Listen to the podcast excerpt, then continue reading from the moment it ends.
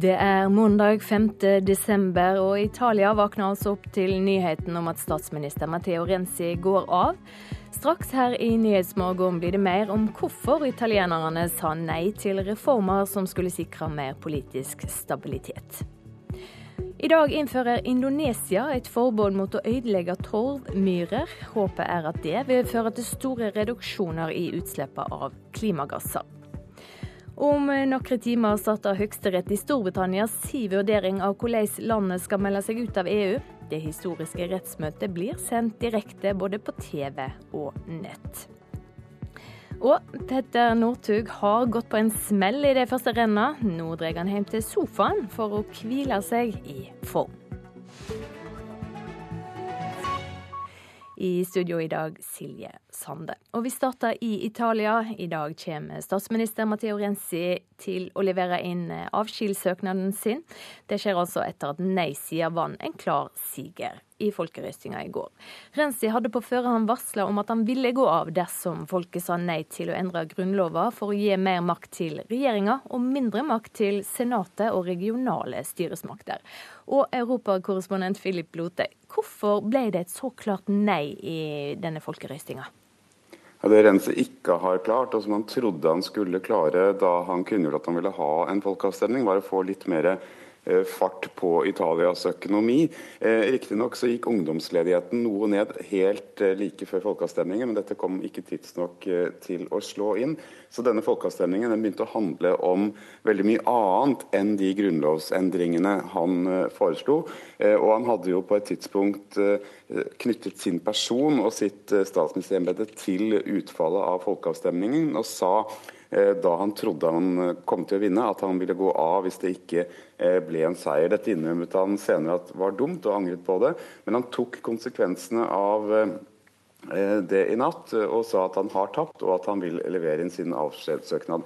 Det mest overraskende var at det ikke ble jevnere, for selv om meningsmålingene for et par uker siden tilsa at Eh, nei-siden ville vinne, så var det en overveldende seier. Altså De vant med nesten 20 prosentpoeng, og dette var det ingen som hadde klart å forutse. Og valgdeltakelsen den var meget høy, eh, på like under 70% og det er det som er vanlig i et parlamentsvalg, og ikke vanlige folkeavstemninger i Italia.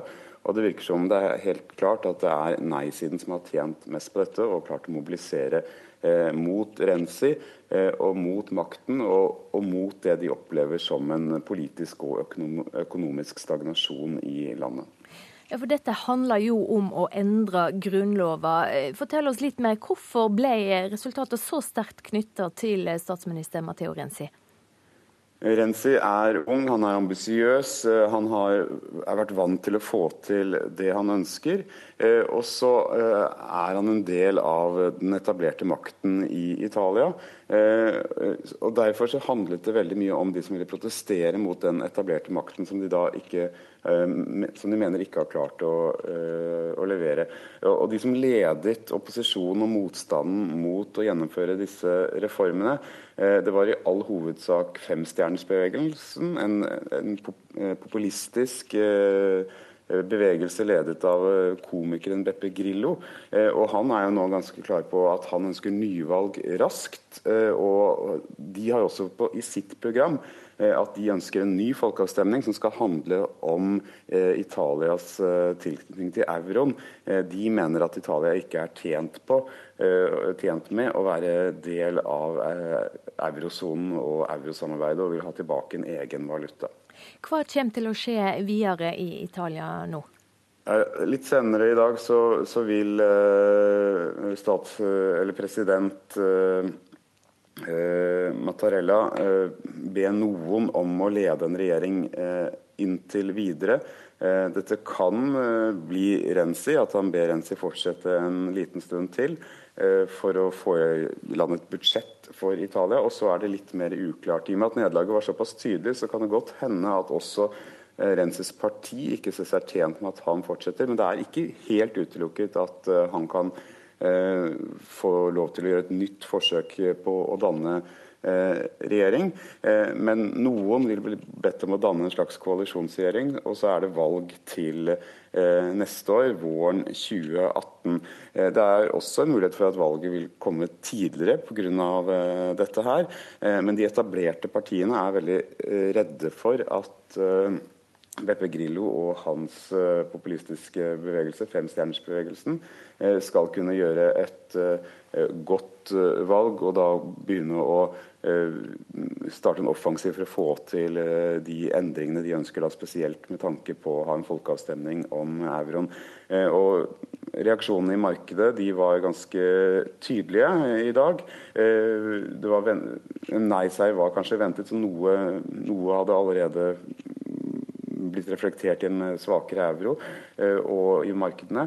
Men samtidig så tror nå mange at det vil bli vanskeligere å hjelpe italienske banker i nød på kort sikt, og at investeringsnivået i Italia vil gå ned som et resultat av eh, folkeavstemningen i går.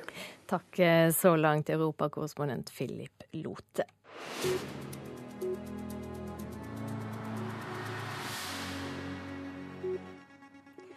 Med økonomisk støtte fra Norge innfører presidenten i Indonesia i dag forbud mot å ødelegge torvmyrer. Dersom forbudet fungerer, kan det bety slutten på et av de største klimautslippsproblemene i verden. Avskoging, ødeleggelse av torvmyrer og myrbranner utgjør 60% av Indonesias klimagassutslipp, og bidrar til å gjøre landet til en klimaversting. Forbudet som innføres i dag er derfor svært viktig, forteller klima- og miljøminister Vidar Helgesen. Selv om det er viktig med norsk budsjettdebatt, så er det Indonesia nå gjør av veldig stor betydning rett og slett for verdens klima. Indonesia ble i fjor herjet av branner som førte til enorme utslipp av klimagasser og helseproblemer blant befolkningen. Forbudet mot å ødelegge torvmyrer er derfor blitt satt på den politiske dagsordenen. Likevel innføres det først nå, et halvt år etter planen. Og vi skal ikke uh, glemme at dette er kontroversielt. Det er jo nok populært i befolkningen, fordi helseeffektene har satt et støkk i uh, folk. Men uh, blant store selskaper, indonesiske og asiatiske selskaper, og blant, i politiske kretser som har bånd til disse selskapene, så er dette kontroversielt. Eh, og Derfor er det en modig beslutning. Torvmyrene dreneres og brukes bl.a. som palmeoljeplantasjer. Til tross for at forbudet kommer på overtid, er daglig leder i Regnskogfondet, Lars Løvold, svært fornøyd. Når det nå skjer, kort før jul, så er det faktisk en fantastisk julegave eh, til det indonesiske folk og til verden. Han mener forbudet er en av de beste klimanyhetene på lenge. Hvis de kunne slutte å ødelegge og tørke opp torvmyrene sine, hvis vi kunne få stanset disse brannene, så vil verden faktisk veldig raskt uh, få merkbare reduksjoner i utslipp av klimagasser. Norge har siden 2010 hatt et klima- og skogsamarbeid med Indonesia, og senest i februar i år var Vidar Helgesen på besøk hos Indonesias president Joko Widodo. Til sammen bidrar Norge med 6 milliarder kroner. I første omgang 200 millioner til gjenoppretting av torvmyr. Deretter følger nye 200 millioner når håndhevingen av forbudet trer i kraft. Effekten av forbudet vil monne globalt, sier Helgesen. Torvmyr i Indonesia som samlet sett nå lagrer kanskje 2000-3000 år eh, med klimagasser tilsvarende norske utslipp. Det er så svimlende tall at man eh, nesten ikke forstår det. Og da er det klart at det å bevare den torvmyren, det å bevare det karbonlageret for verden, det er en usedvanlig viktig innsats. Reporter Kristine Næss Larsen. Det er eh, semja om statsbudsjettet som preger mange av dagens avisframsider i dag. VG har oversikt over hva biltyper som blir avgiftsvinnere, og forteller også hva biler som blir dyrere med det kommende budsjettet.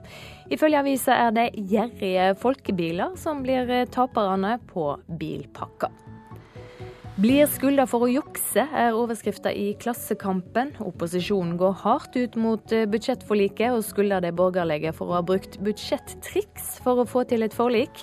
SV-leder Audun Lysbakken sier de skjuler velferdskutt. Og også venstretopper går ut mot eh, pengebruken i statsbudsjettet. Inndekninga er i all hovedsak ikke spesielt klok, sier Sveinung Rotevatn til Dagens Næringsliv. Og han får støtte fra Venstre-nestleder Terje Breivik. Medieoppslag om oppdrettslaks med lus og åpne sår har ikke skremt forbrukerne. Dagligvarekjeder melder om økt salg sammenlignet med samme periode i fjor, forteller Nasjonen. Samfunnstopper bryter lova og snyter på skatten, skriver Nordlys. Flyselskapene sine bonusprogram gir mange store ekstrainntekter. Offentlige ansatte flyr ofte og dyrt på arbeidsgivers regning, og får store private ekstrainntekter i form av bonuspoeng som de ikke skatter for. Elever mener voksne er de verste mobberne. Lærlinger forteller at de blir utfrosne på arbeidsplassen. Elever opplever at de blir mobba av læreren sin. En kan bli sjokkert av mindre, sier mobbeombudet i Hordaland, Mari Kristine Morberg, til Bergens Tidende. Aftenposten skriver om fabrikkarbeidere i USA som håper at den kommende presidenten skal redde arbeidsplassene deres. Donald Trump får kritikk for å redde arbeidsplassene på én fabrikk i Indiana framfor nabofabrikken. De siste 15 åra har 30 000 fabrikkjobber forsvunnet i delstatshovedstaden Indianapolis. Trumps nye sjokkgrep er overskrifta i Dagbladet. På veien til Det hvite hus bryter Donald Trump med tradisjoner og regler i øst og vest. Bråk, kaos, skuldinger og smøring er stikkord for de tre ukene som har gått siden han vant valget. Da skal vi ha sport, og det handler om langrenn. For eh, Petter Northug har gått på en smell. Nå bryter han minituren og står over flere renn. Men han har en plan for hvordan han skal komme tilbake i stor form. Det er litt vanskelig. Jeg ser til og med en løper som Petter, som har vært med i verdenstoppen i ti år, kan, kan bomme litt med formen. og Vi ligger alltid på grensa og i tøye strikken hele tida. Men han er veldig kald og han vet hva som må til når han er sliten, så da legger han seg på sofaen og da kommer han tilbake. I går kom det melding fra Norges Skiforbund om at Petter Northug ikke er på det formnivået han ønsker, og at han derfor reiste hjem til Trondheim for restitusjon og egentrening, framfor å gå verdenscuprennet på Lillehammer. Etter svake resultater i de to første rennene i minitoren, sa han dette til NRK lørdag. Jeg har jo på en måte min eh, mal og min plan på hva jeg skal gjøre nå fram mot uh, midten av februar, så den kommer jeg til å følge. og ja, Er det noe jeg kan, så er det å toppe formen til to-tre uker. og Det kommer jeg til å gjøre i år òg. Så da vet jeg at det vil svinge litt spesielt på denne tida av året. På Lillehammer ble det diskutert om Northug har kontroll på formen og sin plan for denne delen av sesongen. Tor Arne Hetland er landslagstrener for herrene.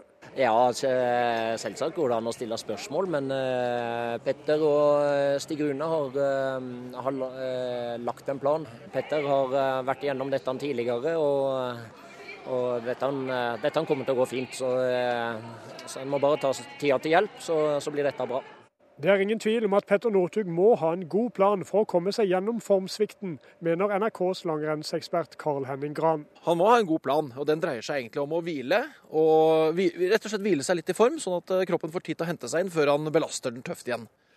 Hvis ikke dette her er ifølge planen hans, som det egentlig tydelig ikke var, i og med at ikke får stilt opp her, hva så? Nei, Da kan han jo risikere å fortsette å gå sakte på ski. Og går han sakte på ski, så får han jo ikke være med i verdenscup. Men eh, jeg tror ikke det er noe fare. Jeg tror ikke det brenner noe blått lys ennå for han. Jeg har vært med på både opp- og nedturer. Det, det er det som er fascinerende med idretten. Og så er det klart absolutt mest eh, utfordrende når man er på nedturer, men eh, da er det artigere å snu det igjen. Reporter Geir Elle. Du hører på Nyhetsmorgen. Klokka er straks 6.47. Avsløringa om snoking i Nav har ført til at flere har tatt kontakt for å sjekke om uvedkommende har vært inne i deres mappe. Statsministeren i Italia går av etter at velgerne i går sa nei til reformene han ville innføre for å sikre mer politisk stabilitet i landet. Og nå skal meddommerne få bedre opplæring for at de skal bli tryggere i rettssalen.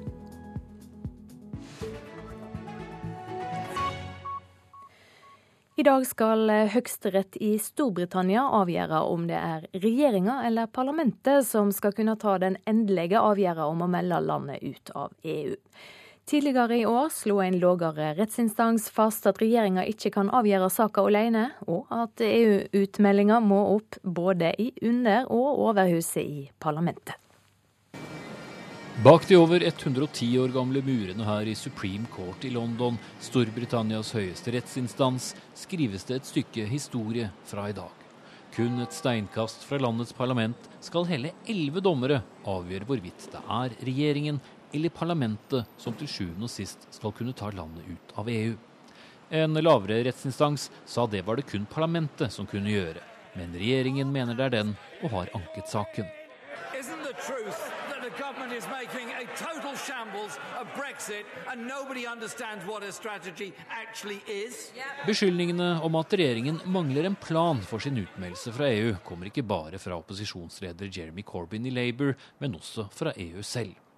Dersom de elleve dommerne i den britiske høyesteretten opprettholder kjennelsen om at det er parlamentet som må behandle saken, så forsinker det statsminister Theresa Mays plan om å igangsette de to år lange utmeldelsesforhandlingene i slutten av mars.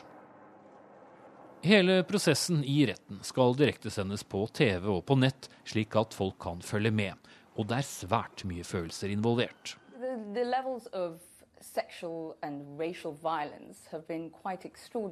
EU-tilhenger Gina Miller, som tok saken til retten for å sikre full debatt og behandling i parlamentet, har måttet tåle en haglskur av trusler etter at hun fikk medhold i den forrige rettsinstansen.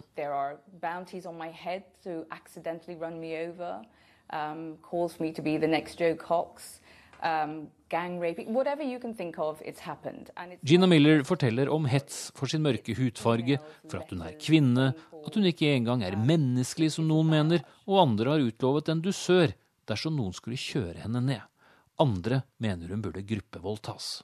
Hun sier hun trekker på skuldrene av hetsen og beskylder regjeringen for ikke å informere godt nok om planene sine, og at det derfor bør være en åpen diskusjon om hva som er best for Storbritannia fortsatt tilknytning til EUs fellesmarked eller et brudd med alt som handler om EU.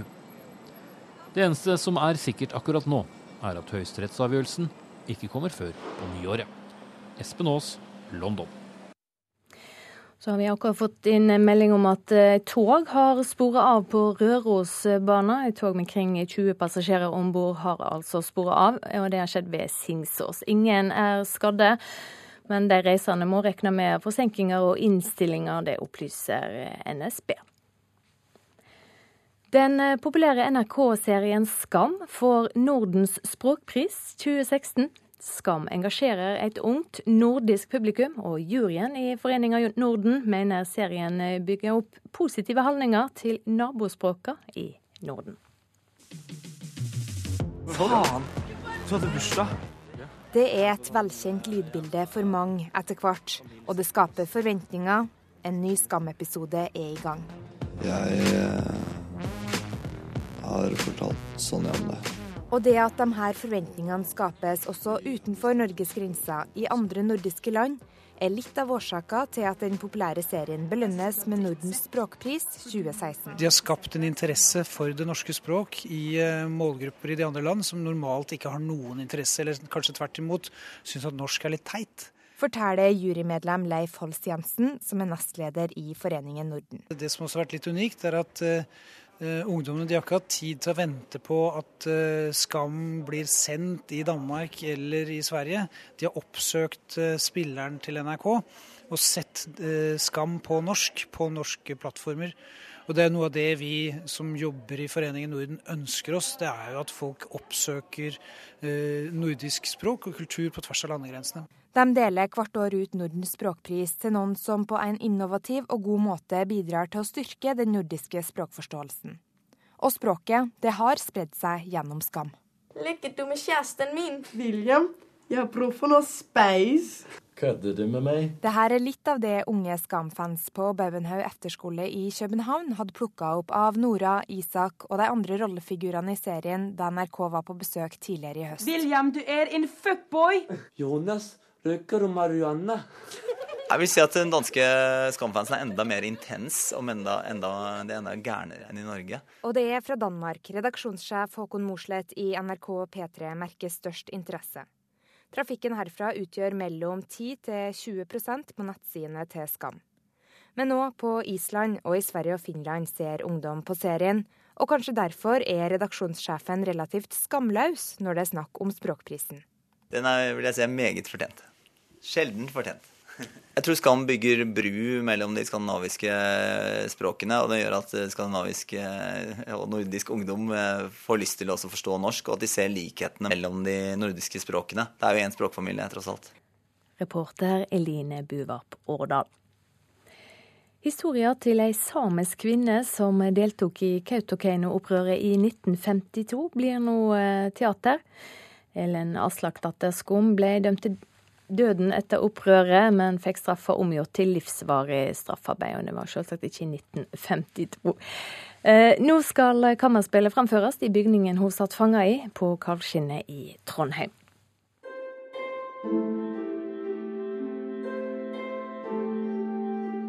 Vi ble jo tidlig enige i at det måtte være et lite kammerensemble. Det er jo selvfølgelig innslag av samisk joik, og så lett, moderne, klassisk kammermusikk fremført av et lite ensemble fra Trondheim Symfoniorkester. Luna Trio heter de. Harpe, fløyte og bratsj. Jeg møter komponist Terje Bjørklund i det som var kirkerommet ved det gamle tukthuset i Trondheim. Det er jo et helt fantastisk rom med et galleri som går rundt det hele. Musikken er langt fra klar, men han er i gang, og resultatet skal bli et kammerspill bygd på historia til Elen Aslakdatter Skum og hennes dramatiske år som fange her. Da jeg ble kjent med historien om Elen Aslakdatter Skum, så traff den en dyp streng i meg. Før hun er 18 år, så har hun begravd fire spedbarn. Randi Wenche Haugen er formidlingssjef ved NTNU Vitenskapsmuseet i Trondheim, og det er hun som hadde ideen til dette musikkstykket. I Kautokeino så er det lensmann, presten og handelsmann som bestemmer alt over urfolket. Elen Skum hun var en av lederne i det som ble da Kautokeino-opprøret. Dette ble jo et, et drama med drap og tragedie og blodsutgytelser. De protesterte mot undertrykking av samene, og høsten 1852 endte dette i et dramatisk gisseldrama der flere ble drept.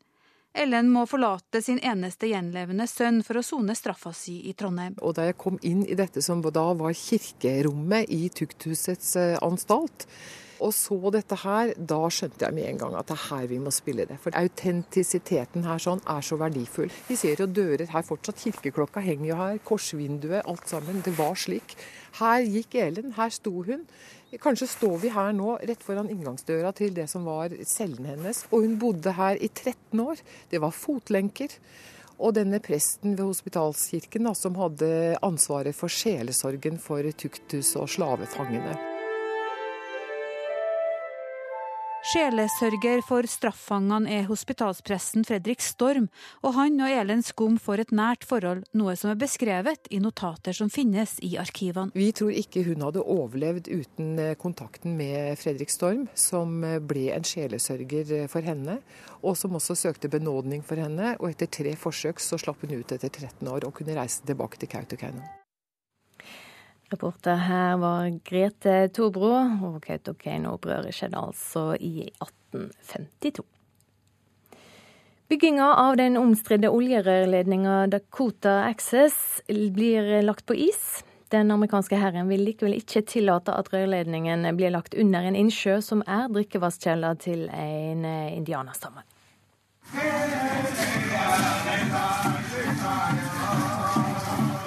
Med trommer og sang var det feiring i bitende kulde i Standing Rock Sioux-reservatet i Nord-Dakota.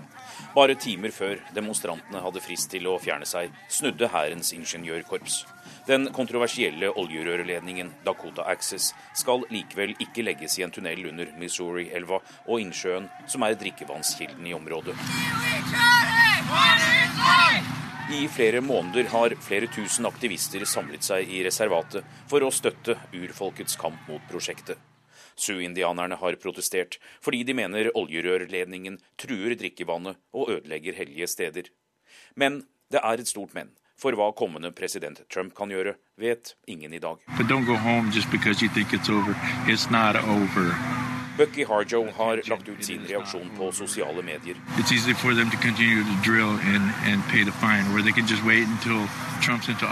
Og sier at kampen ikke er over.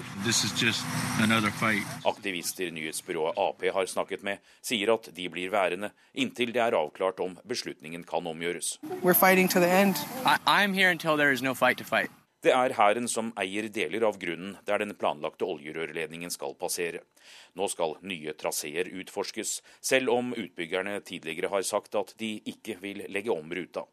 Rørledningen skal etter planen gå gjennom fire delstater. Den er like lang som strekningen Vardø til Oslo.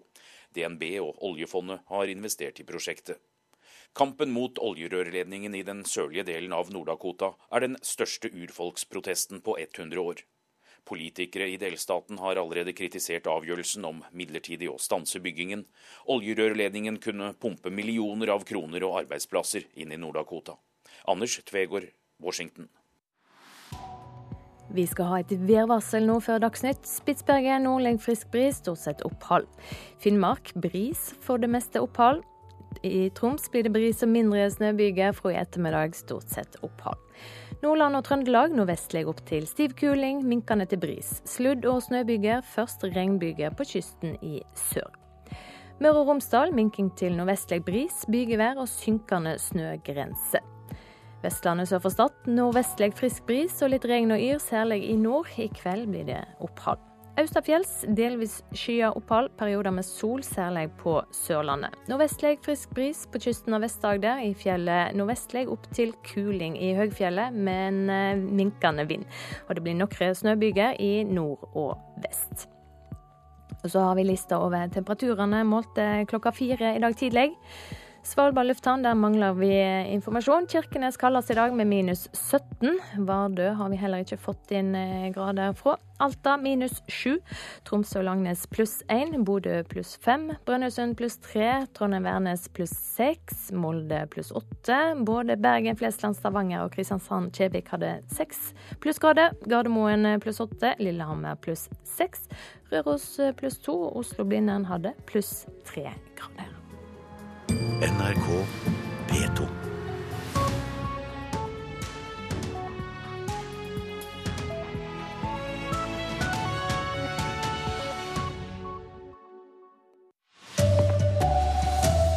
Italias statsminister går av etter nederlaget i gårsdagens folkeavstemning.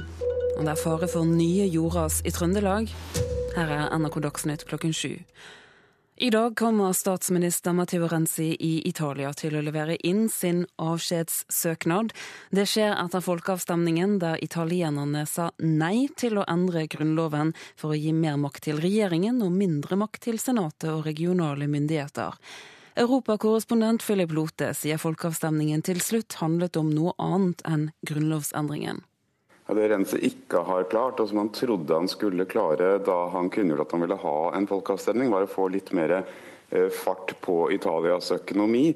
Eh, riktignok så gikk ungdomsledigheten noe ned helt eh, like før folkeavstemningen, men dette kom ikke tidsnok til å slå inn. Så denne folkeavstemningen begynte å handle om veldig mye annet enn de grunnlovsendringene han foreslo.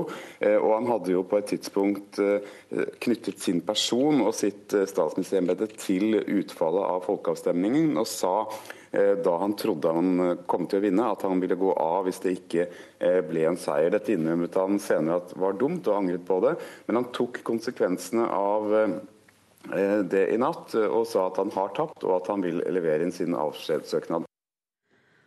Også New Zealands statsminister John Kay går av etter åtte år i lederstolen. Annonseringen kom overraskende på en pressekonferanse i natt. Han sier at han forlater politikken av hensyn til familien. Et tog med rundt 20 passasjerer har sporet av ved Singsås i Sør-Trøndelag. Ingen er skadet, men reisende må regne med forsinkelser og innstillinger, det opplyser NSB. Så er det frykt for at det skal gå flere jord- og steinskred i Trøndelag. I natt gikk det flere ras. Europavei 14 mellom Meråker og Stjørdal er stengt. Det forteller operasjonsleder Jonny Olsen i Nord-Trøndelag politidistrikt. Det vi har kjennskap til, det er tre ras som har gått eh, på E14 på vei opp til Meråker. Ja, Det første raset vi fikk melding om er i Meråker. Det er et boligfelt der det har gått et eh, lite ras eh, rett ved et bolighus. Så vidt vi kjente, så er ingen hus og ingen mennesker tatt av ras. Det er snakk om eh, jordras som er utløst av store vannmasser. E14 er jo stengt, og den vil jo sannsynligvis være stengt ei stund fremover.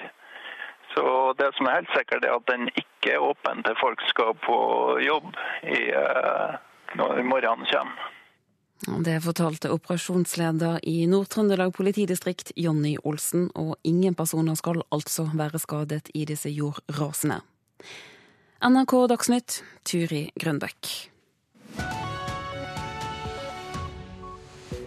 Og her i Nyhetsmorgen skal det straks handle om snoking i personlige Nav-opplysninger. Vi skal høre hva Datatilsynet mener om de tiltakene som er satt i verk for å hindre uvedkommende i å sjekke personlige opplysninger. Kristelig Folkeparti vil sende et klart signal om misnøye med forhandlingsprosessen til regjeringa når Stortinget skal røyste over statsbudsjettet senere i dag. Og Vi skal også få med oss reaksjonene i Østerrike etter at den liberale og uavhengige kandidaten Alexander van der Bellen i går vant presidentvalget der.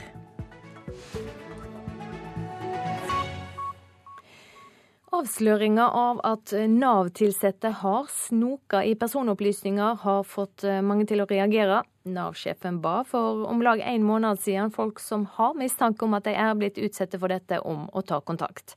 Og det er det mange som har gjort, sier IT-direktør i Nav, Torbjørn Larsen. I november så har vi hatt 38 eh, henvendelser fra folk da som føler eh, bekymring for om eh, noen har sett det i korta. Nå har Nav begynt å gå gjennom saken og love svar i løpet av to til fire uker. Det var for en drøy måned siden rapporten kom som fortalte at Nav-ansatte ikke sjelden har misbrukt registrene til å finne personlige opplysninger om andre, uten at det har vært nødvendig i arbeidet.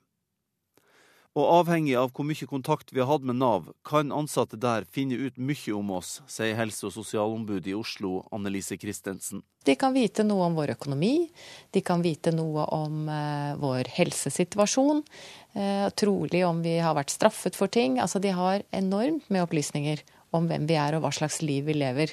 Opplysninger som vi ikke ønsker skal komme i uvedkommendes hender. Snokerapporten har altså ført til at brukere har tatt kontakt. Ifølge Nav har mange generelle bekymringer om at noen snoker på dem. Eh, som vi da besvarer med, med å vise rett og slett til hvilke Nav-enheter som har vært inne og gjort oppslag på, på, brukeren de siste tre månedene. Men det er noen av de tilfellene hvor vi har ført eh, grunn til å gå eh, mer detaljert til verks og gjøre en litt dypere logganalyse. Flere er blitt kikka i kortene av en Nav-ansatt de kjenner godt. Det kan dreie seg om, om oppslag på nære familierelasjoner. Det kan f.eks. være oppslag på, på tidligere ektefelle. Har dere sett flere tilfeller av det? Eh, ja, det er, eh, det, er et, eh, det er, en gjenganger, ja. I helsevesenet førte den typen snoking i pasientjournaler for noen år siden til ei kraftig innskjerping.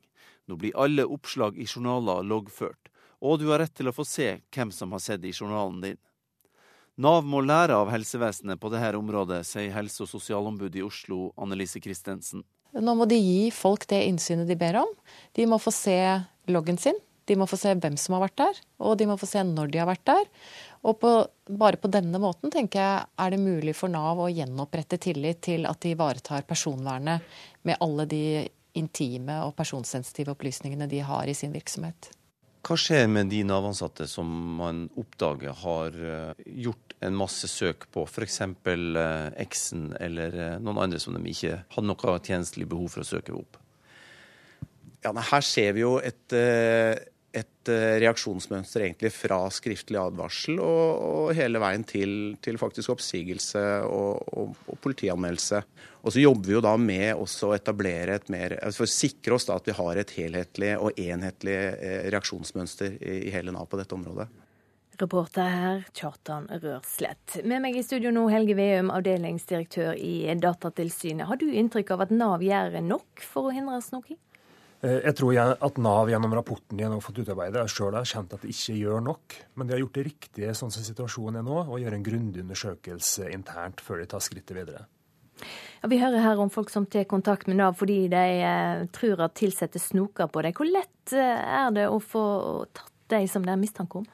Dette med å, å, få tatt de som snoker, det er vanskelig, og det krever at vi analyserer loggen. Det er jo sånn at du har rett på at opplysningene dine som forvaltninga har, eh, de skal sikres godt. Og det skal ikke være sånn at du sjøl må be om å få se loggen før du skal være trygg på at de blir forvalta godt. Dette skal både Nav, helse, politi osv. sjøl holde styring på, så de skal sikre dataene dine godt. Ja, Burde Nav ha gjort det samme som, som helsevesenet gjorde i sin opprydding, mener du?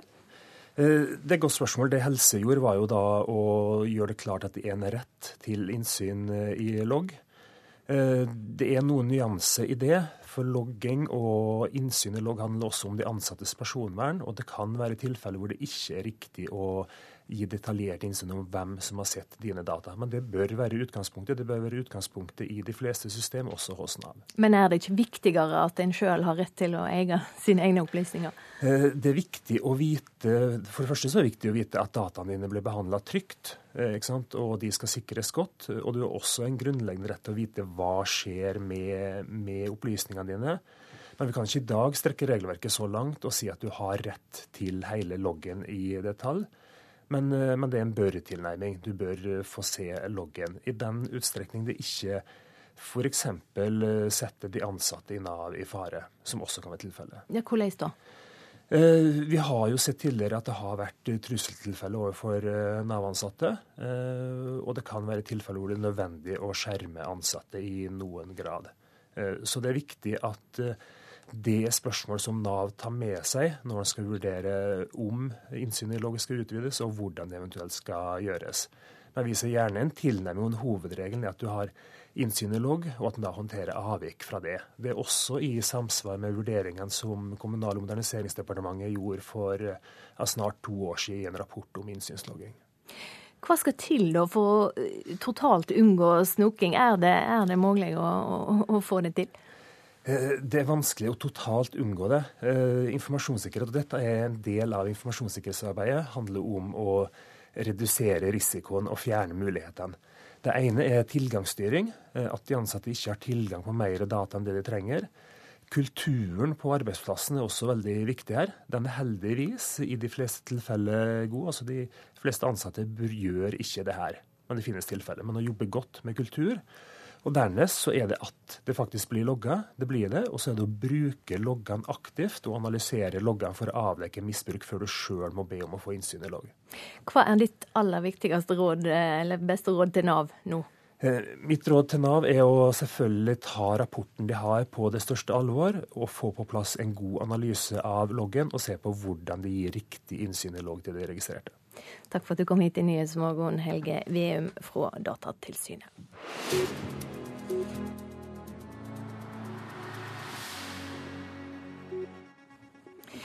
Kristelig Folkeparti vil sende et klart signal om misnøye med regjeringa forhandlingsprosess når Stortinget skal røyste over statsbudsjettet sent i kveld. For første gang siden den blå regjeringa kom til makta, vil KrF først røyste for sitt eget forslag til budsjett, før de støtter regjeringa sitt forslag. Det er et signal fra KrF om at eh, skal de forhandle med KrF senere, så kan ikke de føre en prosess på denne måten. Sier partileder Knut Arild Hareide, og i prosessen han snakker om, ble det stilt et ultimatum før forhandlingene begynte. Altså den mye omtalte bilpakken, som skapte store problemer underveis. Jeg syns det er en merkelig måte for en mindretallsregjering å gå inn i forhandlinger. Kjernen i denne problemstillingen er jo det ultimatumet som regjeringa sjøl har stilt. Det er ikke slik at folk kjører bil for moro skyld. Nå er vi brutt disse forhandlingene, og da må det enten legges noe substansielt stort, eller så må bilpakken åpnes. Etter uker med møter og forhandlinger kom altså regjeringspartiene, KrF og Venstre fram til en løsning som ble lagt fram på lørdag.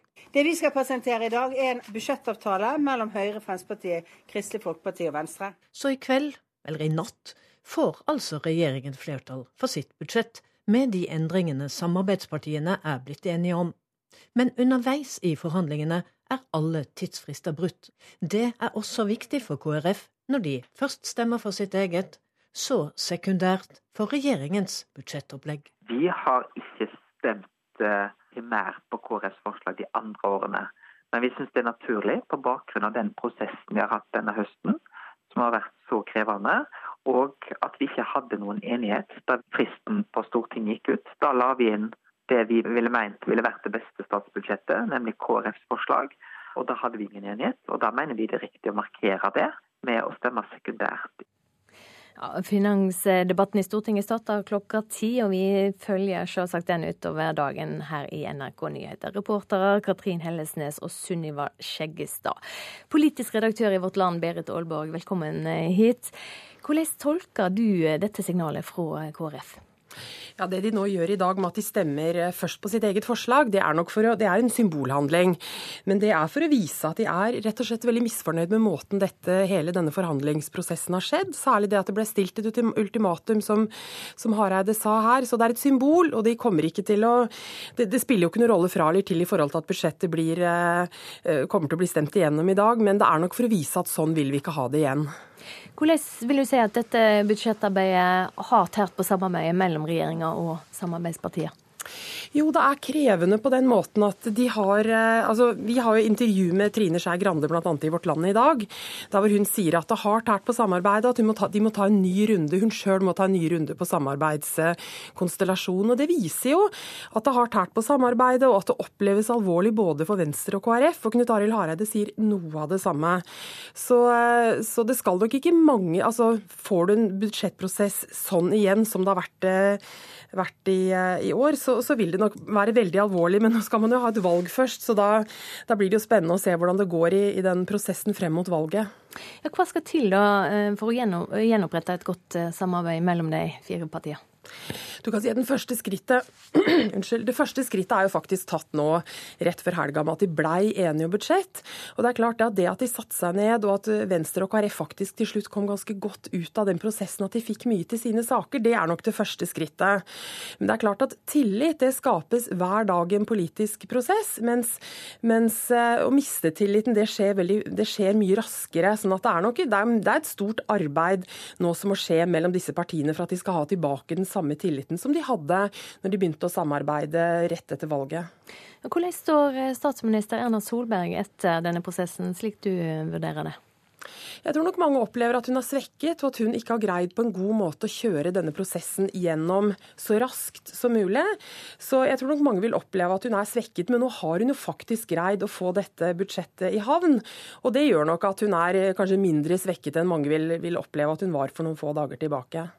Hvordan er stemninga internt i Kristelig Folkeparti og Venstre etter denne prosessen? Er de gira på å holde fram dette samarbeidet? Akkurat nå så er prosess, altså, de er nok fornøyd med at de fikk en del, og de, de, har faktisk fått mye gjennomslag helt på tampen. Men jeg tror nok begge partiene, og særlig kanskje Venstre, er veldig skuffet over måten de er blitt behandla på underveis. Og det er særlig dette ultimatumet som, som, som regjeringa satt på denne såkalte bilpakka rett før de begynte å forhandle. og Det er en veldig uvanlig måte å forhandle av en mindretallsregjering. Eh, og så har de holdt på den gjennom uker og dager med forhandlinger som, som det har stått veldig stille. Så jeg tror nok at det er en stor skuffelse over, over at de har blitt på behandla på denne måten, at de har måttet gått dag etter dag uten å få gjennomslag. Det tærer nok på samarbeidet. Takk for at du kom hit til Nyhetsmorgen, politisk redaktør i Vårt Land, Berit Aalborg. Og det blir mer om budsjettstriden i Politisk kvarter, Håvard Grønli? Absolutt. Statsminister Erna Solberg kommer til oss i dag før det braker løs med finansdebatt i Stortinget. Og når vi hører på dere snakke sammen her, så er det jo ingen tvil om at det finnes mange spørsmål å stille Erna Solberg, så det skal vi bruke et kvarter på. Om en halv time. Du hører på Nyhetsmorgen. Klokka er 7.16. Avsløringa om snoking i Nav har ført til at mange har tatt kontakt for å sjekke om uvedkommende har vært inne i deres mappe. Italias statsminister går av etter at velgerne i går sa nei til reformene han ville innføre for å sikre mer politisk stabilitet i landet. Og som vi hørte, KrF vil sende et klart signal om misnøye med forhandlingsprosessen til regjeringa når Stortinget skal røyste over statsbudsjettet seint i kveld.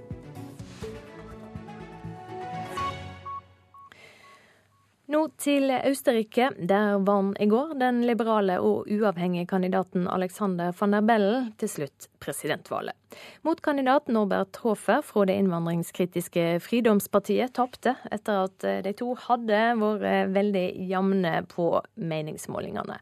Korrespondent Guri Nordstrøm, du er på plass i Wien. Hvorfor ble det til slutt dette resultatet? Det er flere faktorer. Én ting kan være EU-spørsmålet. Eh, van der Bellen var hele tiden pro EU, mens Hofer underveis sa at han kunne tenke seg en exit, noe han da etter hvert modererte og sa at han heller ønsket en reformering av EU, da han så at mange velgere reagerte negativt på å skulle trekke seg ut av eh, unionen. Eh, andre ting som trekkes frem i avisene her i dag, er at Hofer ble altfor lite østerriksk og altfor mye Trump i sin valgkamp etter hvert. Altså altfor aggressiv, noe østerrikerne ikke likte. Blant, blant, annet så beskyldte han motstanderen for å være kommunistisk spion, og også for å ljuge flere ganger. I tillegg så kan det ha vært at migranttemaet som han spilte på, ikke virket like aktuelt for mange her nå som det de gjorde under forrige valgrunde i mai, og at mange østerrikere østerrikere rett og slett er veldig fornøyde med tingenes tilstand, og ikke kjenner seg igjen i den svartmalingen av landet som Frihetspartiet beskrev. Hvordan er reaksjonene ellers eh, dagen etter eh, dette resultatet ble klart? Ja, EU trekker jo et lettelsens uh, sukk nå. Her innad i landet så er det viktig å huske på at selv om van der Bellen vant, så stemte faktisk hele 47% på motkandidaten. Og på meningsmålingene så er innvandringskritiske Frihetspartiet uh, fortsatt størst. Så Østerrike er fortsatt et veldig splittet land, og denne presidentvalgkampen som har pågått i nesten et år, har vært med på å øke det gapet. Det blir veldig interessant å se nå hvordan dette blir seende ut når parlamentsvalget etter hvert eh, kommer. Hva kan du si om eh, mannen som nå da blir eh, den nye presidenten i Østerrike? Han er 72 år gammel, flyktningebarn faktisk, etter at foreldrene i sin tid rømte fra Sovjetunionen. Eh, han er tidligere økonomiprofessor ved Universitetet i Wien. Eh, var først medlem av Sosialdemokratene, men gikk så over til De Grønne, som han ledet i flere år. Men under presidentvalgkampen så stilte han da som uavhengig kandidat. Han er en veldig stor EU-tilhenger, har snakket om Europas forente stater uten grensegjerder. Ellers så er det jo viktig å understreke at en president i Østerrike stort sett har hatt en seremoniell rolle, mens det er forbundskansleren, altså statsministeren, som har makta. Men det som har gjort denne presidentvalgkampen valgkampen i Østerrike så interessant, er at de to kandidatene har vært så totalt forskjellige. Og at de har splittet landet, i tillegg til at begge underveis har sagt at de vil bruke mer av den makta som presidentembetet faktisk gir på papiret. Takk skal du ha, korrespondent Guri Nordstrøm med fra Wien. Så til eh, USA. For eh, bygginga av en omstridt oljerørledning i Nord-Dakota blir lagt på is. Den amerikanske hæren vil eh, likevel ikke tillate at rørledninga blir lagt under en innsjø som er drikkevannskjelda til en indianerstamme.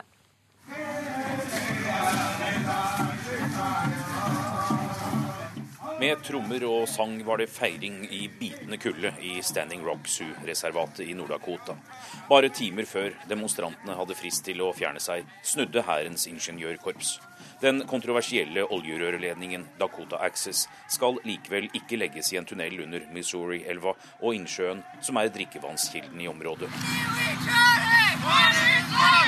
I flere måneder har flere tusen aktivister samlet seg i reservatet for å støtte urfolkets kamp mot prosjektet. Sioux-indianerne har protestert fordi de mener oljerørledningen truer drikkevannet og ødelegger hellige steder. Men det er et stort men. For hva kommende president Trump kan gjøre, vet ingen i dag. Over. It's not over. Bucky Harjo har lagt ut sin reaksjon på sosiale medier.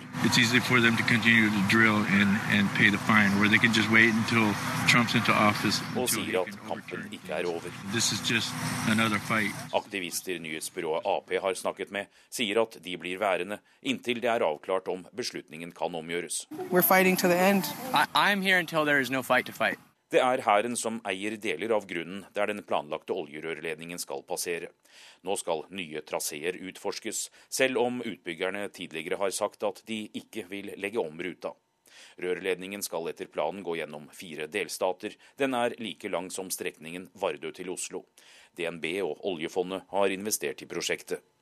Kampen mot oljerørledningen i den sørlige delen av Nord-Dakota er den største urfolksprotesten på 100 år. Politikere i delstaten har allerede kritisert avgjørelsen om midlertidig å stanse byggingen. Oljerørledningen kunne pumpe millioner av kroner og arbeidsplasser inn i Nord-Dakota. Anders Tvegård, Washington. Det er semja om statsbudsjettet som preger mange av dagens avisframsider. VG har oversikter over hva biltyper som blir avgiftsvinnere, og forteller også hva for biler som blir dyrere med det kommende budsjettet. Ifølge avisa er det gjerrige folkebiler som blir taperne på bilpakka. Blir skylda for å jukse, er overskrifta i Klassekampen. Opposisjonen går hardt ut mot eh, budsjettforliket, og skylder de borgerlige for å ha brukt budsjettriks for å få til et forlik. SV-leder Audun Lysbakken sier de skjuler velferdskutt. Og venstretopper går eh, ut mot pengebruken i statsbudsjettet. Inndekninga er i all hovedsak ikke spesielt klok, sier Sveinung Rotevatn til Dagens Næringsliv. Og han får støtte fra Venstre-nestleder Terje Breivik. Medieoppslag om oppdrettslaks med lus og åpne sår har ikke skremt forbrukerne. Dagligvarekjeder melder om økt sal sammenlignet med samme periode i fjor, forteller Nasjonen. Samfunnstopper bryter lova og snyter på skatten, skriver Nordlys. Flyselskapene sine bonusprogram gir mange store ekstrainntekter. Offentlige ansatte flyr ofte og dyrt på arbeidsgiverens regning, og får store private ekstrainntekter i form av bonuspoeng som de ikke skatter for. Elever mener voksne er de verste mobberne. Lærlinger forteller at de blir utfrosne på arbeidsplassen, og elever opplever at de blir mobba av læreren sin. En kan bli sjokkert av mindre, sier mobbeombudet i Hordaland, Mari Kristine Moberg, til Bergens Tidende. Aftenposten skriver om eh, fabrikkarbeidere i USA som håper at den kommende presidenten skal redde arbeidsplassene deres. Donald Trump får kritikk for å redde arbeidsplassene på én fabrikk i Indiana framfor nabofabrikken. De siste 15 åra har 30 000 fabrikkjobber forsvunnet i delstatshovedstaden Indianapolis. Trumps nye sjokkgrep er overskrifta i Dagbladet. På veien til Det hvite hus bryter Donald Trump med tradisjoner og regler i øst og vest. Bråk, kaos, skuldinger og smøring er stikkord for de tre ukene som har gått siden han vant valget.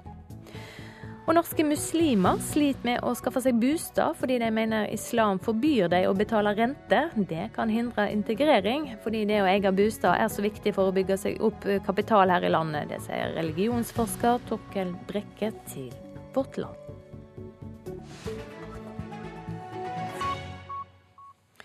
Så skal vi høre at meddommere i norske rettssaler nå skal få bedre opplæring i flere saker den siste tida, mellom andre voldtektssaka i Hemsedal, har meddommerne fått stor oppmerksomhet.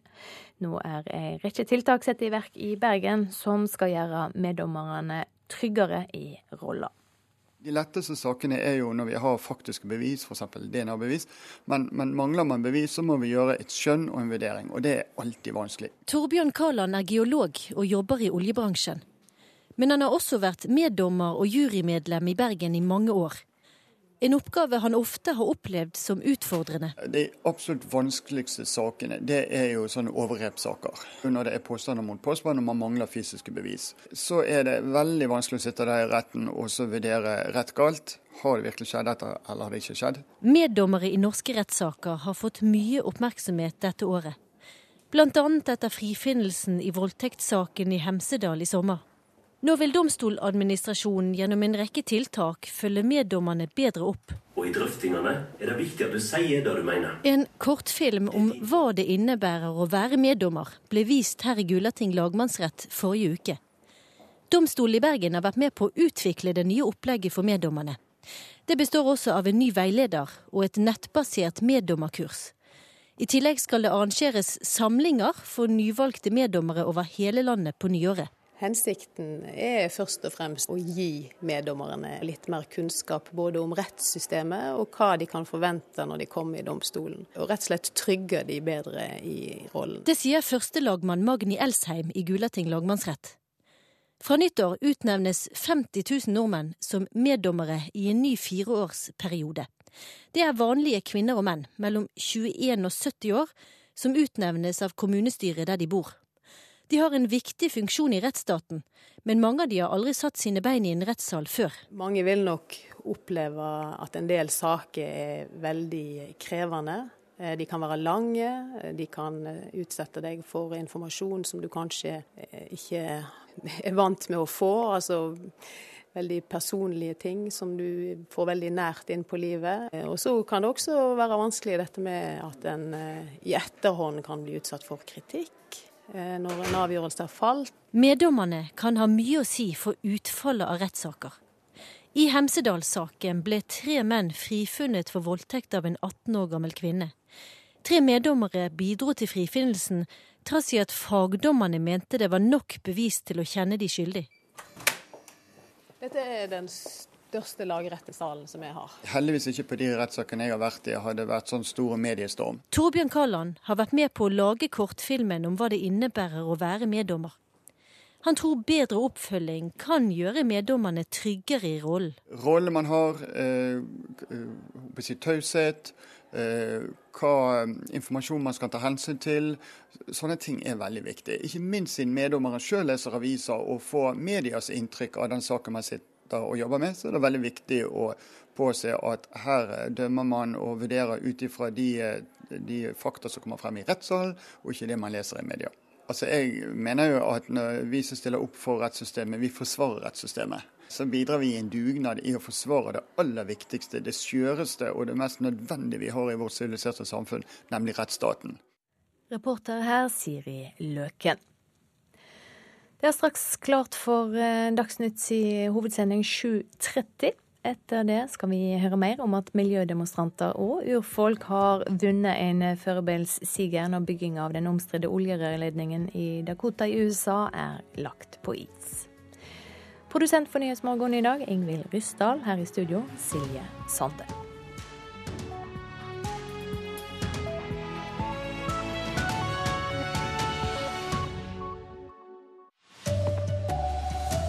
Statsministeren i Italia trekker seg etter reformnederlag. Her hjemme mener mange at de er utsatt for ulovlig snoking fra Nav-ansatte. Og et av verdens største klimautslippsproblemer kan være løst. Alt dette blir det mer om her i NRK Dagsnytt.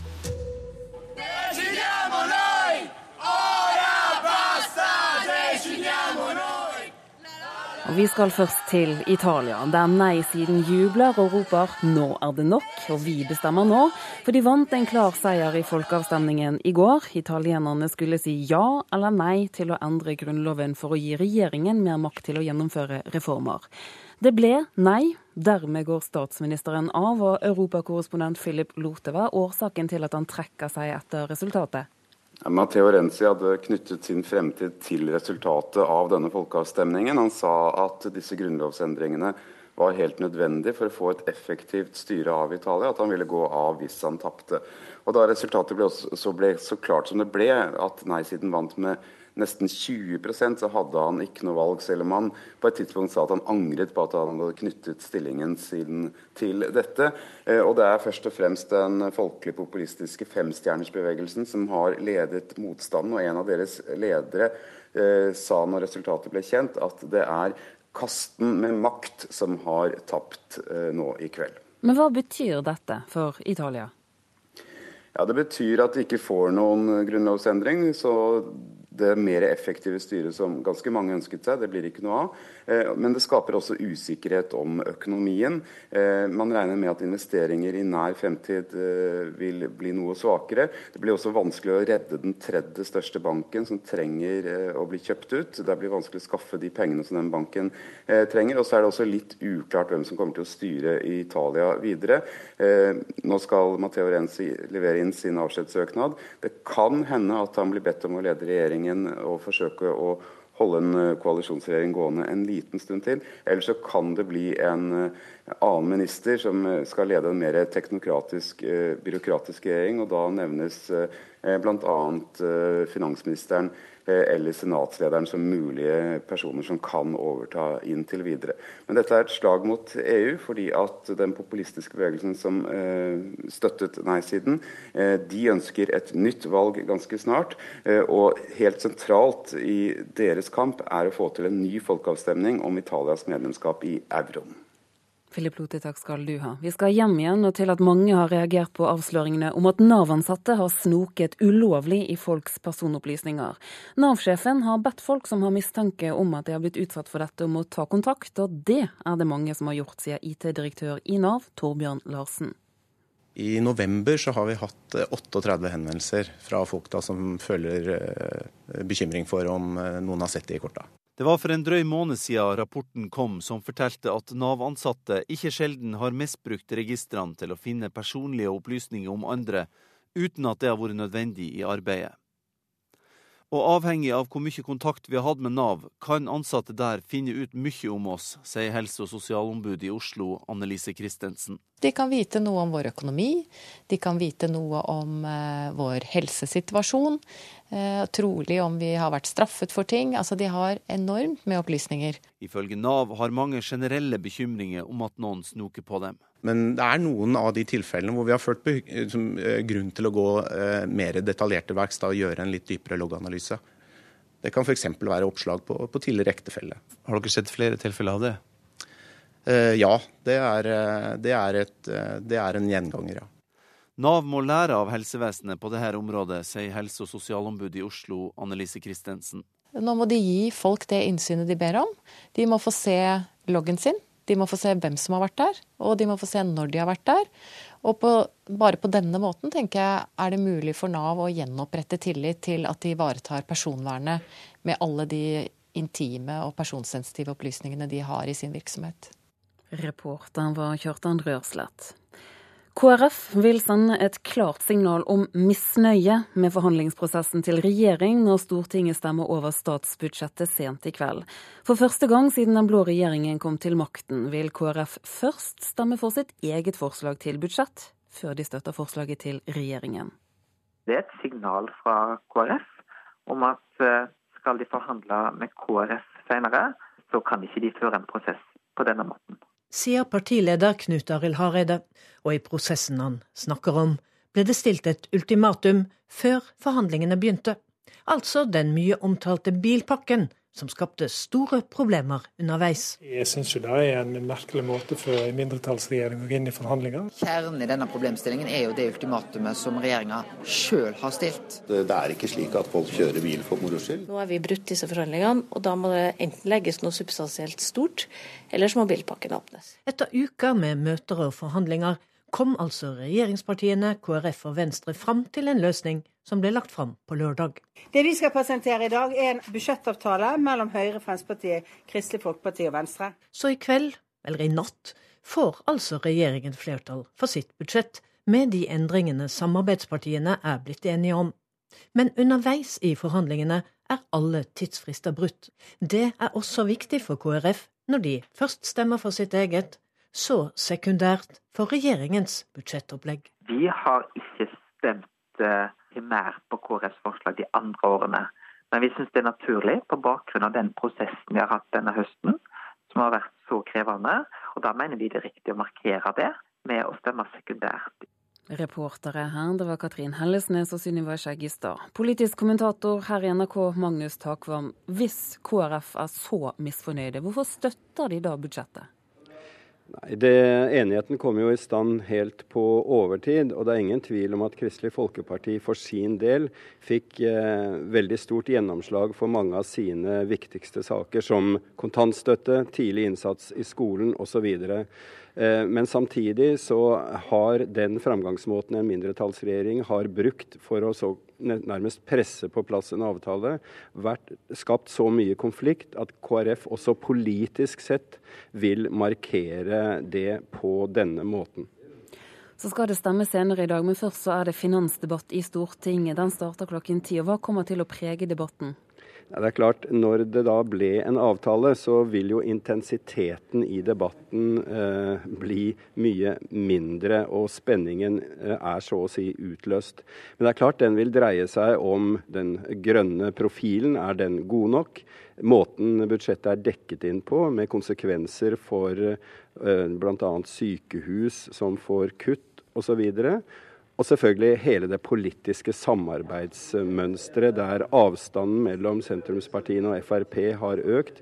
Borgerlig kaos er noen stikkord som helt åpenbart vil, vil komme igjen i debatten. Magnus Takvam, takk skal du ha. Og Finansdebatten i Stortinget den starter altså klokken ti, og du kan følge den utover dagen her i NRK Nyheter. Et av de største klimautslippsproblemene i verden kan være løst. I dag innfører nemlig presidenten i Indonesia et forbud mot å ødelegge torvmyr. Tiltaket får økonomisk støtte fra Norge, for dette er viktig. Det forteller klima- og miljøminister Vidar Helgesen.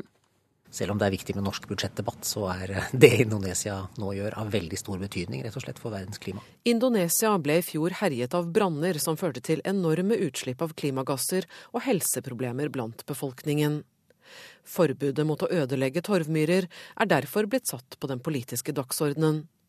Likevel innføres det først nå, et halvt år etter planen. Og vi skal ikke øh, glemme at dette er kontroversielt. Øh, og derfor er det en modig beslutning. Torvmyrene dreneres og brukes bl.a. som palmeoljeplantasjer. Til tross for at forbudet kommer på overtid, er daglig leder i Regnskogfondet, Lars Løvold, svært fornøyd. Når det nå skjer, kort før jul, så er det faktisk en fantastisk julegave øh, til det indonesiske folk og til verden. Til sammen bidrar Norge med 6 milliarder kroner. I første omgang 200 millioner til gjenoppretting av torvmyr. Deretter følger nye 200 millioner når håndhevingen av forbudet trer i kraft. Effekten av forbudet vil monne globalt, sier Helgesen. Torvmyr i Indonesia som samlet sett nå lagrer kanskje 2000-3000 år eh, med klimagasser tilsvarende norske utslipp. Det er så svimlende tall at man eh, nesten ikke forstår det. Og da er det klart at det å bevare den torvmyren, det å bevare det karbonlageret for verden, det er en usedvanlig viktig innsats. Reporter Kristine Næss Larsen. Ingen ble skadet, men fem personer ble i natt sperret inne mellom to jordskred på Europavei 14 i Nord-Trøndelag. E14 er nå stengt mellom Stjørdal og Storlien. Store nedbørsmengder fører også til at Meråkerbanen er stengt. Ansvarlig for Dagsnytt er Hans Christian Eide. Her i studio, Turi Grønbekk.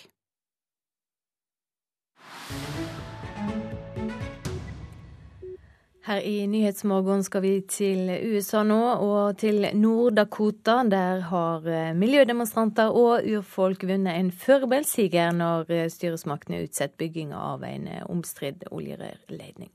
I lang tid har demonstrantene, eller vassbeskytterne som de nå kaller seg, holdt stand ved urfolksområdet Standing Rock.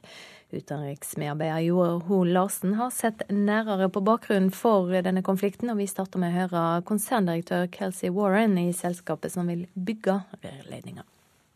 We're simply a company that builds infrastructure acting lawfully and doing everything we're supposed to do. And we're going to build a safe pipeline and we're going to cross the river at that location. Den indianske miljøaktivisten Dallas Goldtooth ser det annerledes. Han mener de involverte selskapene har et eget selvstendig ansvar. De turer nå frem på en måte som, etter hans mening, skader deres omdømme, i strid med god forretningsskikk og businessetikk. Han skjønner ikke, sier han, at banker og finansinstitusjoner, blant dem flere norske, ikke trekker seg ut. No regard for common decency or any kind of corporate responsibility. And it's really surprising that people are still investing in this company. Det er Hærens ingeniørkorps som teknisk sett eier området det strides om, og der det er mange hellige indianske steder. De siste ukene har det vært flere harde sammenstøt mellom myndigheter og demonstranter. Tungt væpnet politi har, ifølge Amy Goodman i Democracy Now, angrepet vannbeskytterne med bl.a. vannkanoner og gummikuler, pepperspray og tåregass. Riot police with military grade equipment have attacked the Native American protectors with pepper spray, tear gas, beanbag rounds, rubber bullets. Demonstrantene har forskanset seg i rene indianerleire de siste månedene. Protestcamper med indianertelt, eller tipis som det jo egentlig heter, med indianere i fjærpryd og såkalte krigere til hest. Mange har vært der en stund, i joggesko, medbringende sommertelt og tynne klær. Kaldt, slik den iskalde vinden nå blåser. Men når myndighetene nå viser omsorg for de tilreisendes liv og helse, så vekker det en viss munterhet blant vannbeskytterne. All den tid den samme øvrigheta nylig brukte gummikuler og tårgass mot dem. Og siden de altså ikke får tildelt varme klær og skikkelige telt, så kan det ikke være deres ve og vel myndighetene tenker på først, men oljerørledningens fremtid er Lakota-indianernes lakoniske kommentar. and that they have a place on the other side, which is just about two, three hundred yards right over there. So apparently we can survive the winter over there, but we can't right here. Men når guvernøren i Nord-Dakota og den lokale sheriffen hevder at jo, det er uforsvarlig å la folk bo ute i snø og kulde uten skikkelig utstyr, så forklarer indianerne dette hensynet med at de to myndighetspersonene er relativt ferske og uvante med vinterklimaet i Dakota. Indianerne klarer seg nok, sier Joshua Tree. De har vært ute vinternetter på prærien i mer enn 1000 år. Og da nyheten kom om at bygginga av rørledninga blir lagt på is, brøt det ut jubel og sang blant demonstrantene, men de er likevel avventende fordi de ikke vet hva kommende president Donald Trump kommer til å gjøre. I dag leverer eh, statsminister Matteo Renzi i Italia inn eh, avskjedssøknaden sin. Det skjer etter at nei-sida vant en klar siger i folkerøystinga i går. Her hjemme har mange kontakta Nav fordi de mener ansatte der har snoka på dem, og noen får mistanken sin stadfesta. I dag innfører Indonesia med norsk økonomisk støtte et forbud mot å ødelegge torvmyrer. Håpet er at det vil føre til store reduksjoner i utslippet av klimagasser. Om noen timer starter Høyesterett i Storbritannia sin vurdering av hvordan landet skal melde seg ut av EU. Det historiske rettsmøtet blir sendt direkte på TV og nett. Og fem personer ble i natt sperra inne mellom to jordskred på E14 ved Meråker i Nord-Trøndelag. De er henta ut av helikopter. E14 er stengt mellom Stjørdal og Storlien, og Meråkerbanen er også stengt pga. mye nedbør. Nå er det klart for Politisk kvarter ved Håvard Grønli.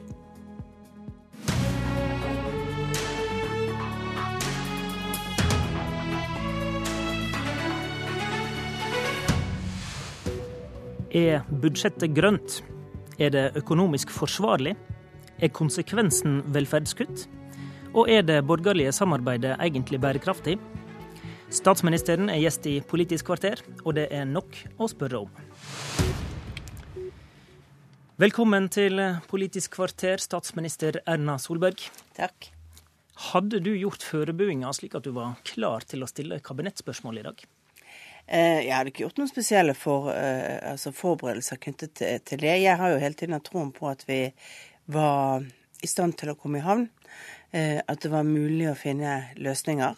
Men at det var vanskelig å finne akkurat den rette kombinasjonen av tiltak som gjorde at alle fire partier rundt et bord kunne synes at dette var et budsjett de ville stille seg bak. Hva var grepet som gjorde at du skjønte at det ville komme på plass nå lørdag? da?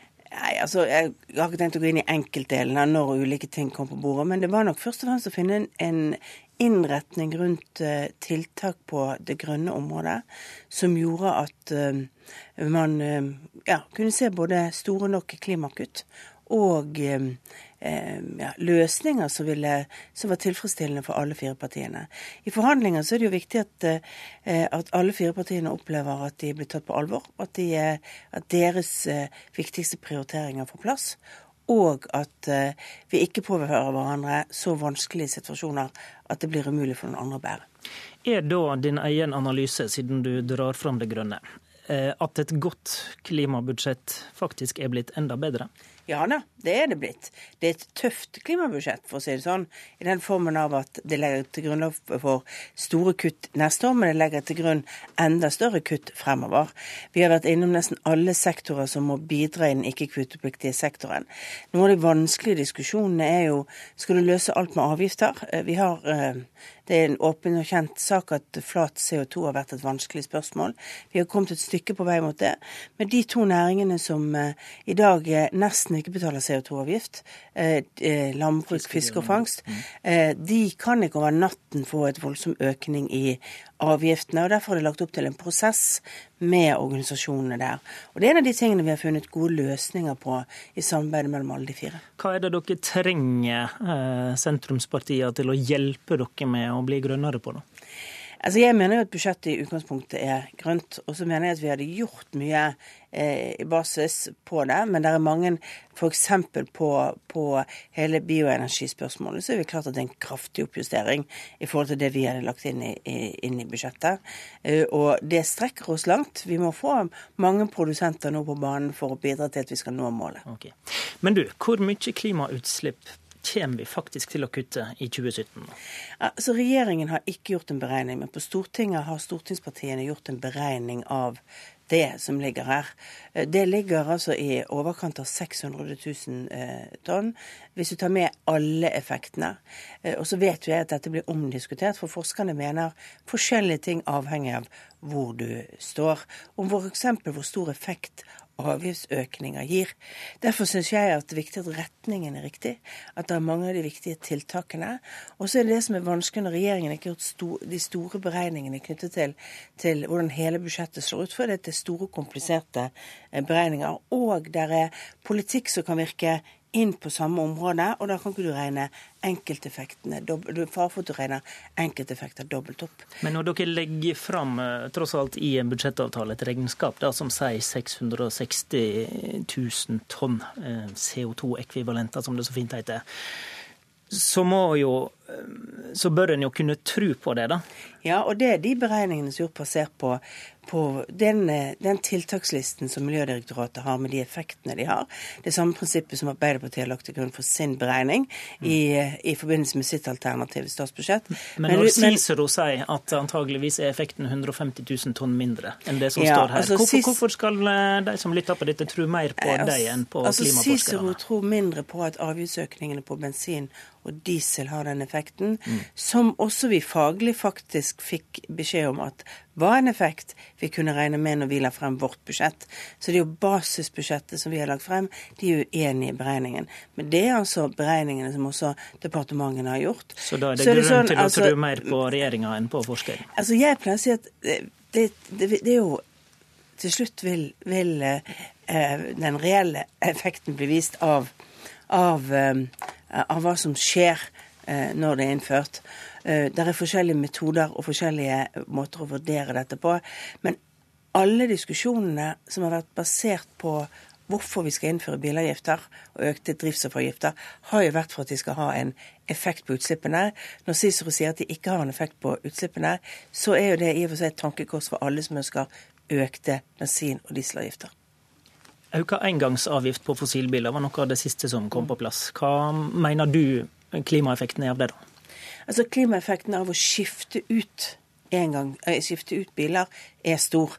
Det er sannsynligvis det som kommer til å ha størst betydning av alle tiltakene når det gjelder bilparken. Mm. Det som skjer med den omleggingen som var nå, er at vi også bruker en del av det provenyet til å få skiftet ut varebiler hvis du kjøper nye biler eh, nullutslippsvarebiler. Det er et av de områdene hvor vi får andre virkemidler. På bil har vi nå mange virkemidler, og i basis så gjør den omleggingen som regjeringen har lagt opp til, i engangsavgiften. Det er enda gunstigere, det blitt enda mer gjennom forliket nå, å kjøpe eh, biler med lavt utslipp. Men det samme får du ikke til på en del av nyttetransporten, altså på varetransporten. Og det vi gjør nå, er faktisk å få til en kombinasjon som gjør at du gir en ny gulrot, du gjør en endring i engangsavgiften, som har betydning for varebilene. Det vil bli dyrere med fossile varebiler, men samtidig får du en vrakpant når du kjøper som er mye høyere.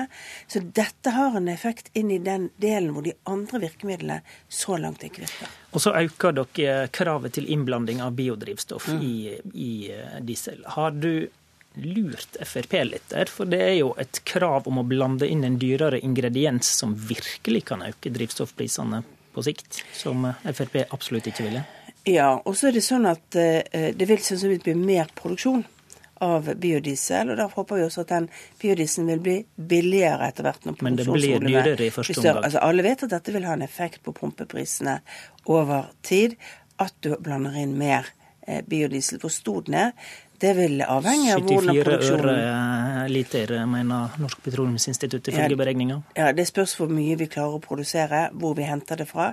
Dette var et eh, tiltak som satt langt inne eh, hos regjeringen. Rett og slett for det er også litt omdiskutert når det kommer så høyt opp i innblandingskravene som er, om vi får eh, store nok totale effekter på utslippene. Er du Men- i tvil om det er lurt? Eh, nei, altså vi hadde lagt opp til et litt mykere opptrapping, men, men bioenergi, altså innblandingen i diesel, er en viktig del av det, og ikke minst å få lastebiler og større kjøretøy til å kjøre mer miljøvennlig enn i dag. Så det er viktig å huske at vi skal ned 40% med kuttene i ikke-kvotepliktig sektor i Norge frem til 2030, og da er biodiesel et viktig virkemiddel for å få det til. På lang sikt så regner vi med at hydrogen kommer til også til å være kanskje enda viktigere for den sektoren, men nå i begynnelsen så kommer biodiesel til å være viktig. Så går vi til pengebruken. Økonomer, kommentatorer og opposisjon kritiserer nemlig den. I Dagens Næringsliv i dag gjør til og med sentrale politikere i Venstre det samme. Ble dette budsjettet dyrere enn du ønskte? Det har større omprioriteringer i budsjettet enn det vi hadde ment var, var riktig å gjøre. Hadde vi ment at dette var det riktige, så hadde vi jo lagt det frem opprinnelig. Men men er det egentlig gjort. omprioriteringer, da? Inndekninga er lettvinte penger der dere ikke har gjort reelle prioriteringer, sier økonom Harald Magnus Andreassen til NTB. Ja, jeg tror at eh, de som nå får et effektivitetskutt på 0,8 istedenfor 0,5, kommer til å føle at dette er faktisk reelle omprioriteringer. Da snakker vi om eh, offentlig sektor som Offentlig skal produsere som må mer effektivt. altså, være mer effektiv. Og det betyr at du må redusere på enkelte områder og gjøre jobbene på andre måter. Tror du det Eh, kan gå utover si- tjenestene, da? Eh, altså, Vi mener jo at dette skal være mulig å få til. Eh, og på noen budsjetter så har vi jo foreslått å øke Og Det kan være at den økningen ikke blir så stor i resultater som det vi hadde lagt opp til. Det er en reell omprioritering. Er sånn Opposisjonen peker på at det må jo gå utover eh, innholdet i sykehusene, f.eks. Ja, men det er fortsatt en stor økning på sykehusene i det budsjettet som blir vedtatt. Men den er ikke så stor som regjeringen ønsket. Eh, Og det betyr at eh, vi får ikke til all den økningen i pasientbehandling som regjeringen hadde foreslått at vi skulle få til. Men hvis jeg får lov å gå tilbake til, til budsjettet. Vi bruker ikke mer oljepenger knyttet til dette. Vi har eh, tatt ut litt mer utbytter. Eh, men eh, ellers er det jo omprioriteringer av utgifter, eller utgifter som vi ser ikke vi hadde budsjettert for høyt i budsjettet, og som vi da har muligheten til å Asylankomster, for ja. Og det var noe vi visste i august, at altså, vi turde ikke legge inn større effekter av lavere ankomster i år. Rett og slett fordi det var august, og vi vet jo hvordan fjoråret var. Det kom mange asylsøkere. Men nå sier du sjøl oljepenger. Dere henter inn en halv milliard fra det statlige investeringsselskapet Argentum. Er det noen prinsipiell forskjell på å bruke penger derfra og fra oljefondet, da? Eh, Det er sånn at I dette budsjettet så har vi mindre utbytter inne enn det som er vanlig. Så da burde man stille spørsmål ved alle de tidligere budsjettene. Det er mindre utbytter tatt ut totalt sett fra selskaper, hvis du ser på budsjettet i bunn, enn det som er vanlig. Vi tok, ja, vi har tatt endringer. Det er ikke uvanlig at man gjør det i budsjettforlik. Det er ikke lett å finne store, store endringer eh, i denne størrelsesorden ved å gjøre omprioritering internt i budsjettet. Det som har skjedd tidligere, Vi har jo hatt budsjettforlik på denne størrelsesorden. Det har jo vært at det har vært avgiftsøkninger som har finansiert en hel del av det. Kommer du til å stille offentlig ultimatum i en forhandling igjen? Jeg har ikke stilt et offentlig ultimatum. Det er mange som har tolket det som et ultimatum. Men jeg sagt- Men jeg har sagt at vi hadde en grense for hvor langt vi kunne gå på dette området. Og det var en politisk realitet. Og det er viktig å huske at politiske realiteter, nemlig at kombinasjonen av økende Altså at vi ikke hadde mer å gå på på økning av bilavgiftene Mm. og de avgiftene som vi eh, annonserte Men hvis før. en slår opp ordet ultimatum i ordboka, så står det vel om lag ei grense for hvor langt en kan gå. Er ikke det det samme, da? Vel, jeg eh, mener at eh, det er viktig av og til å være ærlig på hva som er, hva som er reelt mulig å få til på dette området. Og det er viktig å huske at Fremskrittspartiet beveget seg langt i det opplegget vi la frem. Men feiloppfatta sentrumspartiet det? Nei, jeg tror Senterpartiet oppfattet at vi måtte finne andre løsninger. Jeg husker at jeg satt i Dagsnytt 18 her og hørte Trine Skei Grande si veldig tydelig at det var helheten. Det var at eh, budsjettet eh, ville få som resultat at klimautslippene gikk ned, som kom til å være viktig for henne i forhandlingene. Det har vi levert på. Men hvis jeg lar være å bruke ord som karakteriserer dette, da, hvor, hvor lurt syns du sjøl i ettertid den prosessen var? Eh, jeg skulle, Som, som Høyre-leder så skulle man alltid foretrukket å ikke ha det. For vi, eh, men, men vi må ta inn over oss at når du går inn i forhandlinger, så må du vite hvor smertepunktene til alle partier er. Og det er det vi har jobbet med, og det visste vi at det var et smertepunkt for Fremskrittspartiet. Ja, Men er ikke det nettopp poenget? Fordi at du visste jo at Eller du burde jo kanskje ha skjønt at dette ikke var et akseptabelt balansepunkt for samarbeidspartiene. Og spørsmålet er jo da om du sjøl bidro til å øke konfliktnivået med å legge eh, et krav på det punktet? Det er ikke spill rundt dette. Det har vært reelle forhandlinger.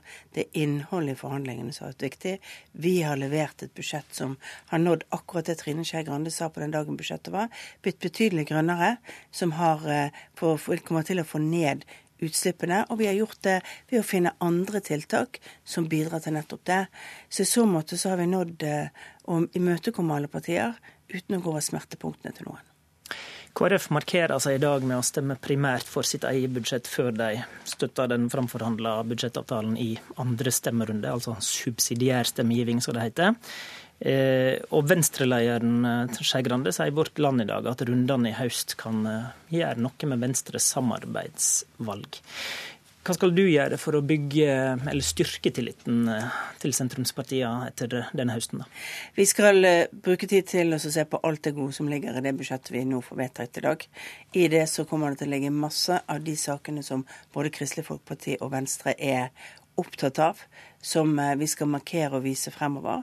Så skal vi sørge for at vi bygger gode prosesser på de store sakene som vi har som kommer til våren. Vi har en stor nasjonal transportplan som skal eh, leveres til Stortinget, som skal legge linjene for samferdselsinvesteringene de neste ti til tolv årene. Felles politikkbygging, altså. Felles politikkbygging er det viktige, og det er et veldig godt utgangspunkt i du, det budsjettet som blir vedtatt i dag. Når du blir møtt med begrepet borgerlig kaos som garantert kommer til å bli sagt i stortingssalen i dag. Hvordan skal du få velgerne til å tro på at det ikke er sant etter denne høsten? Det er fire partier med sterke ambisjoner som har funnet frem til en løsning til slutt. Da blir det tøffe diskusjoner. Det er ikke noe alternativ på andre sider i norsk politikk. Eh, så hva vi vet Vi vet hva man har nå, men man vet absolutt ikke hva man vil få. Vi vet at vi antageligvis får et budsjettvedtak i Stortinget i dag. Finansdebatten starter klokka ti. Du kan følge med på den eh, i alle NRKs flater. I studio var Håvard Grønli. Hør flere podkaster på nrk.no podkast.